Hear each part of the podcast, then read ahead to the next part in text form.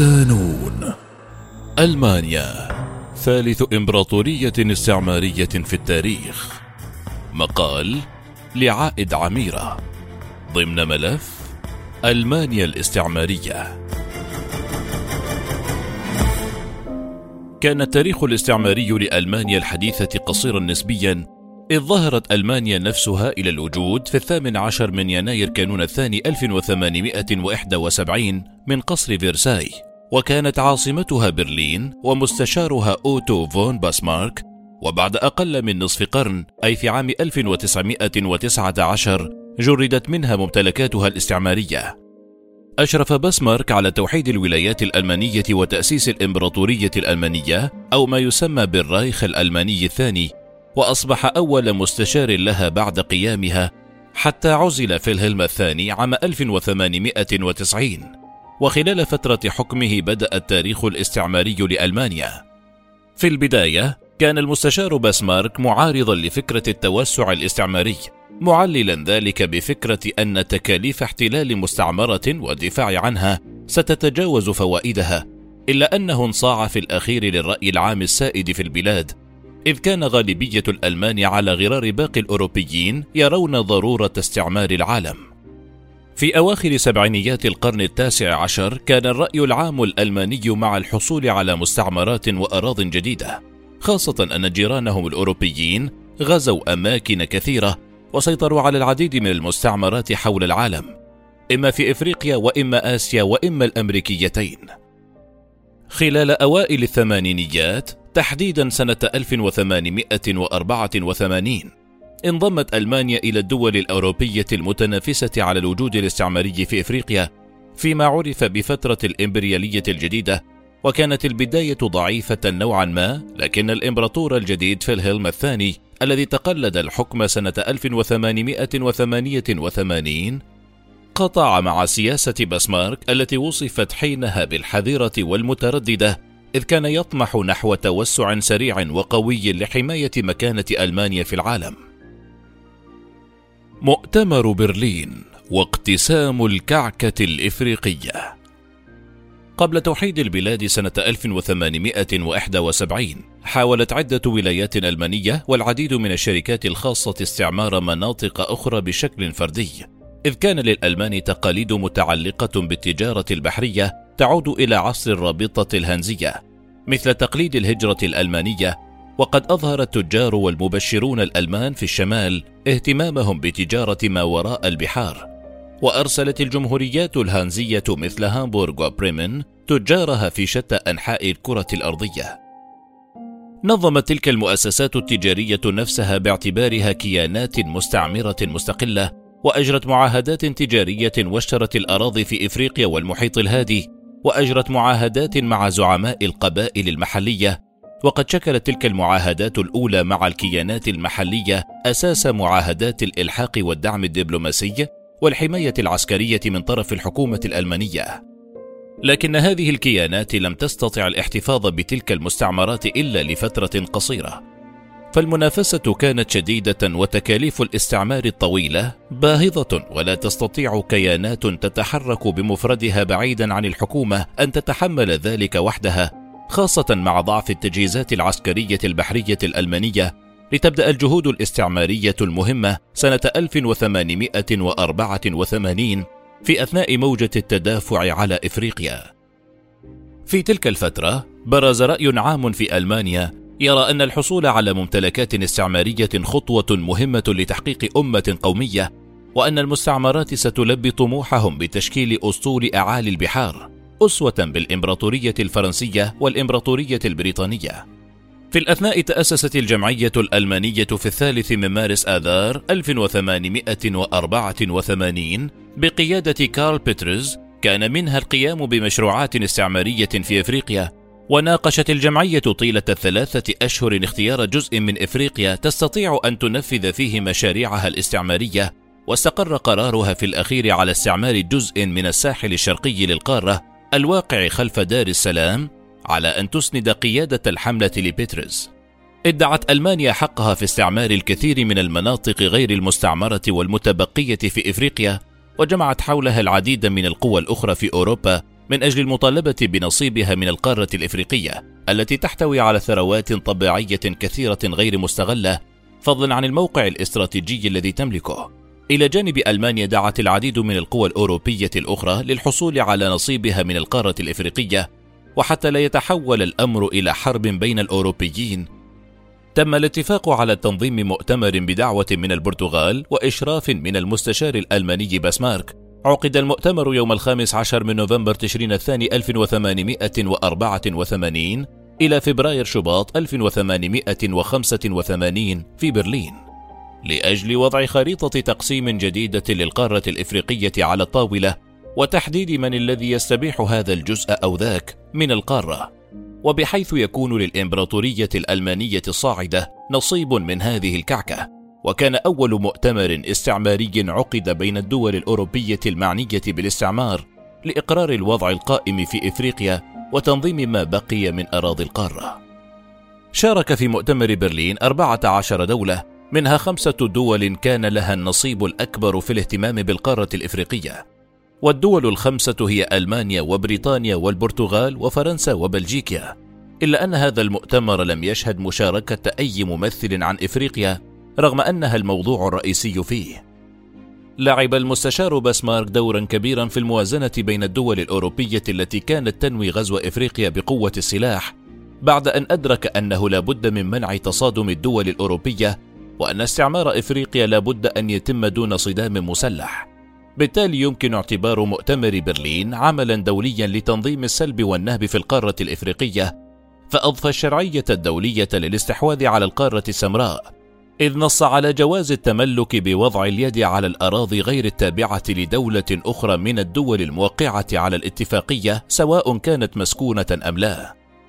لم يهتم مؤتمر برلين بحقوق السكان الأصليين في القارة الإفريقية ولا أملاكهم، إنما ركز فقط على ضمان سلامة الدول الأوروبية المستعمرة وعدم التصادم بينها في أثناء قيامها باستعمار الدول الإفريقية وهو ما قضى على أغلب صيغ الحكم الذاتي الإفريقي وتقرير المصير.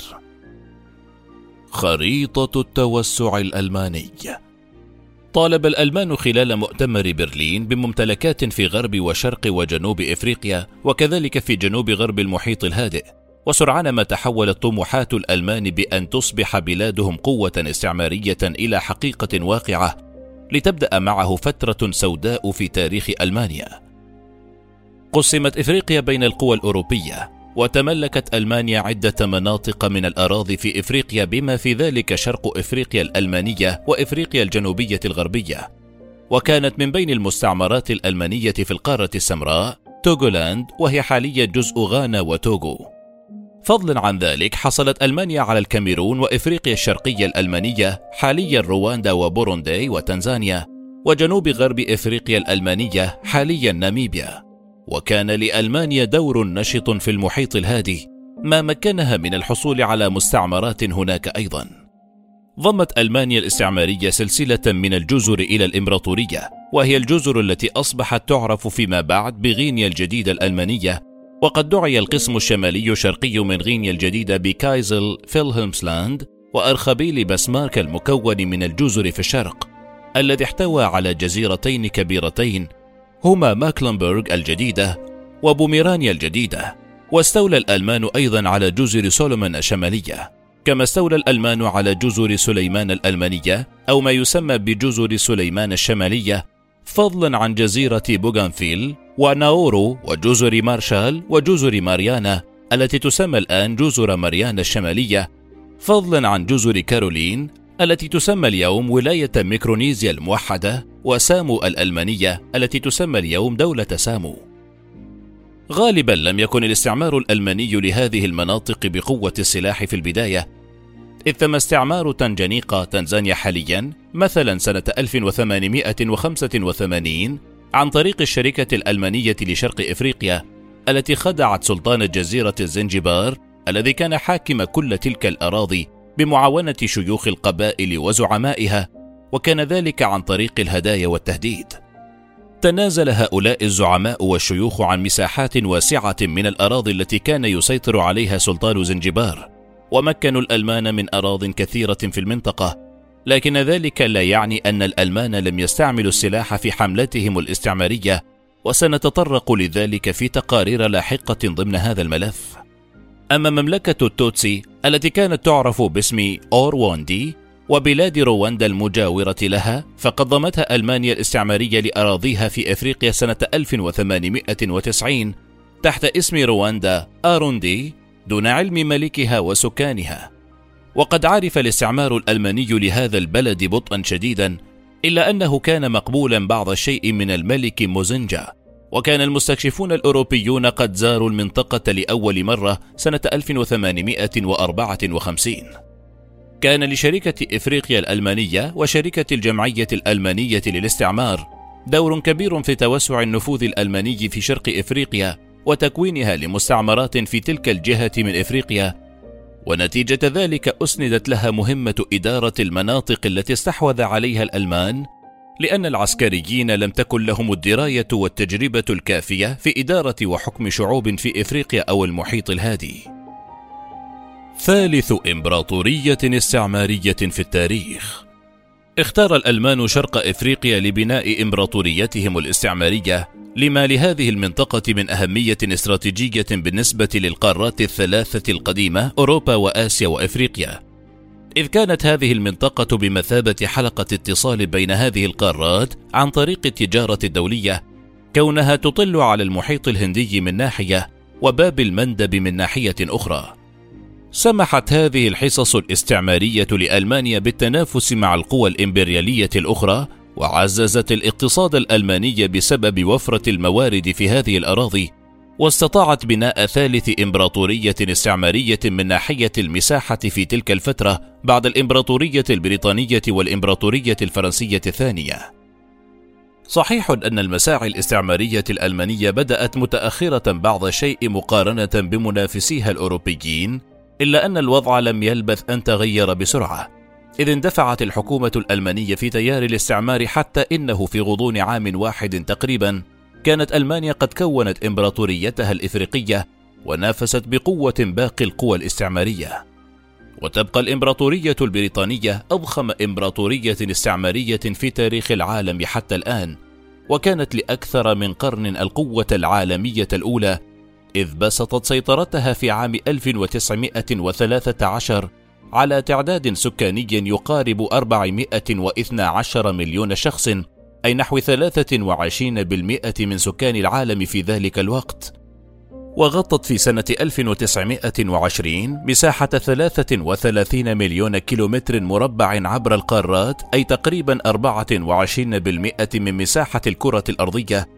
ما منحها وصف الإمبراطورية التي لا تغيب عنها الشمس أما ثاني إمبراطورية استعمارية في القرنين التاسع عشر والعشرين من حيث الامتداد الجغرافي فقد كانت الإمبراطورية الاستعمارية الفرنسية وبلغت مساحتها 13 مليون كيلومتر مربع في أقصى تمدد لها عام 1938 وهو ما يساوي 8.6% من مساحة أراضي الكرة الأرضية. انهيار سريع.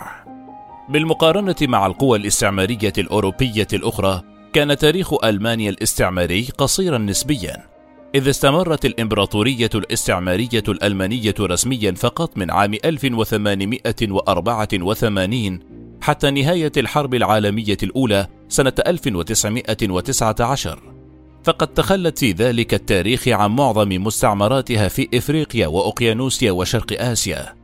سنة 1919 خسرت ألمانيا في الحرب العالمية الأولى ونتيجة ذلك عقدت معاهدة فيرساي بفرنسا التي وضعها الحلفاء دون مفاوضات مع الحكومة الألمانية. وكانت هذه المعاهدة ضربة قاضية للشعب الألماني إذ خسرت بلادهم أغلب مستعمراتها.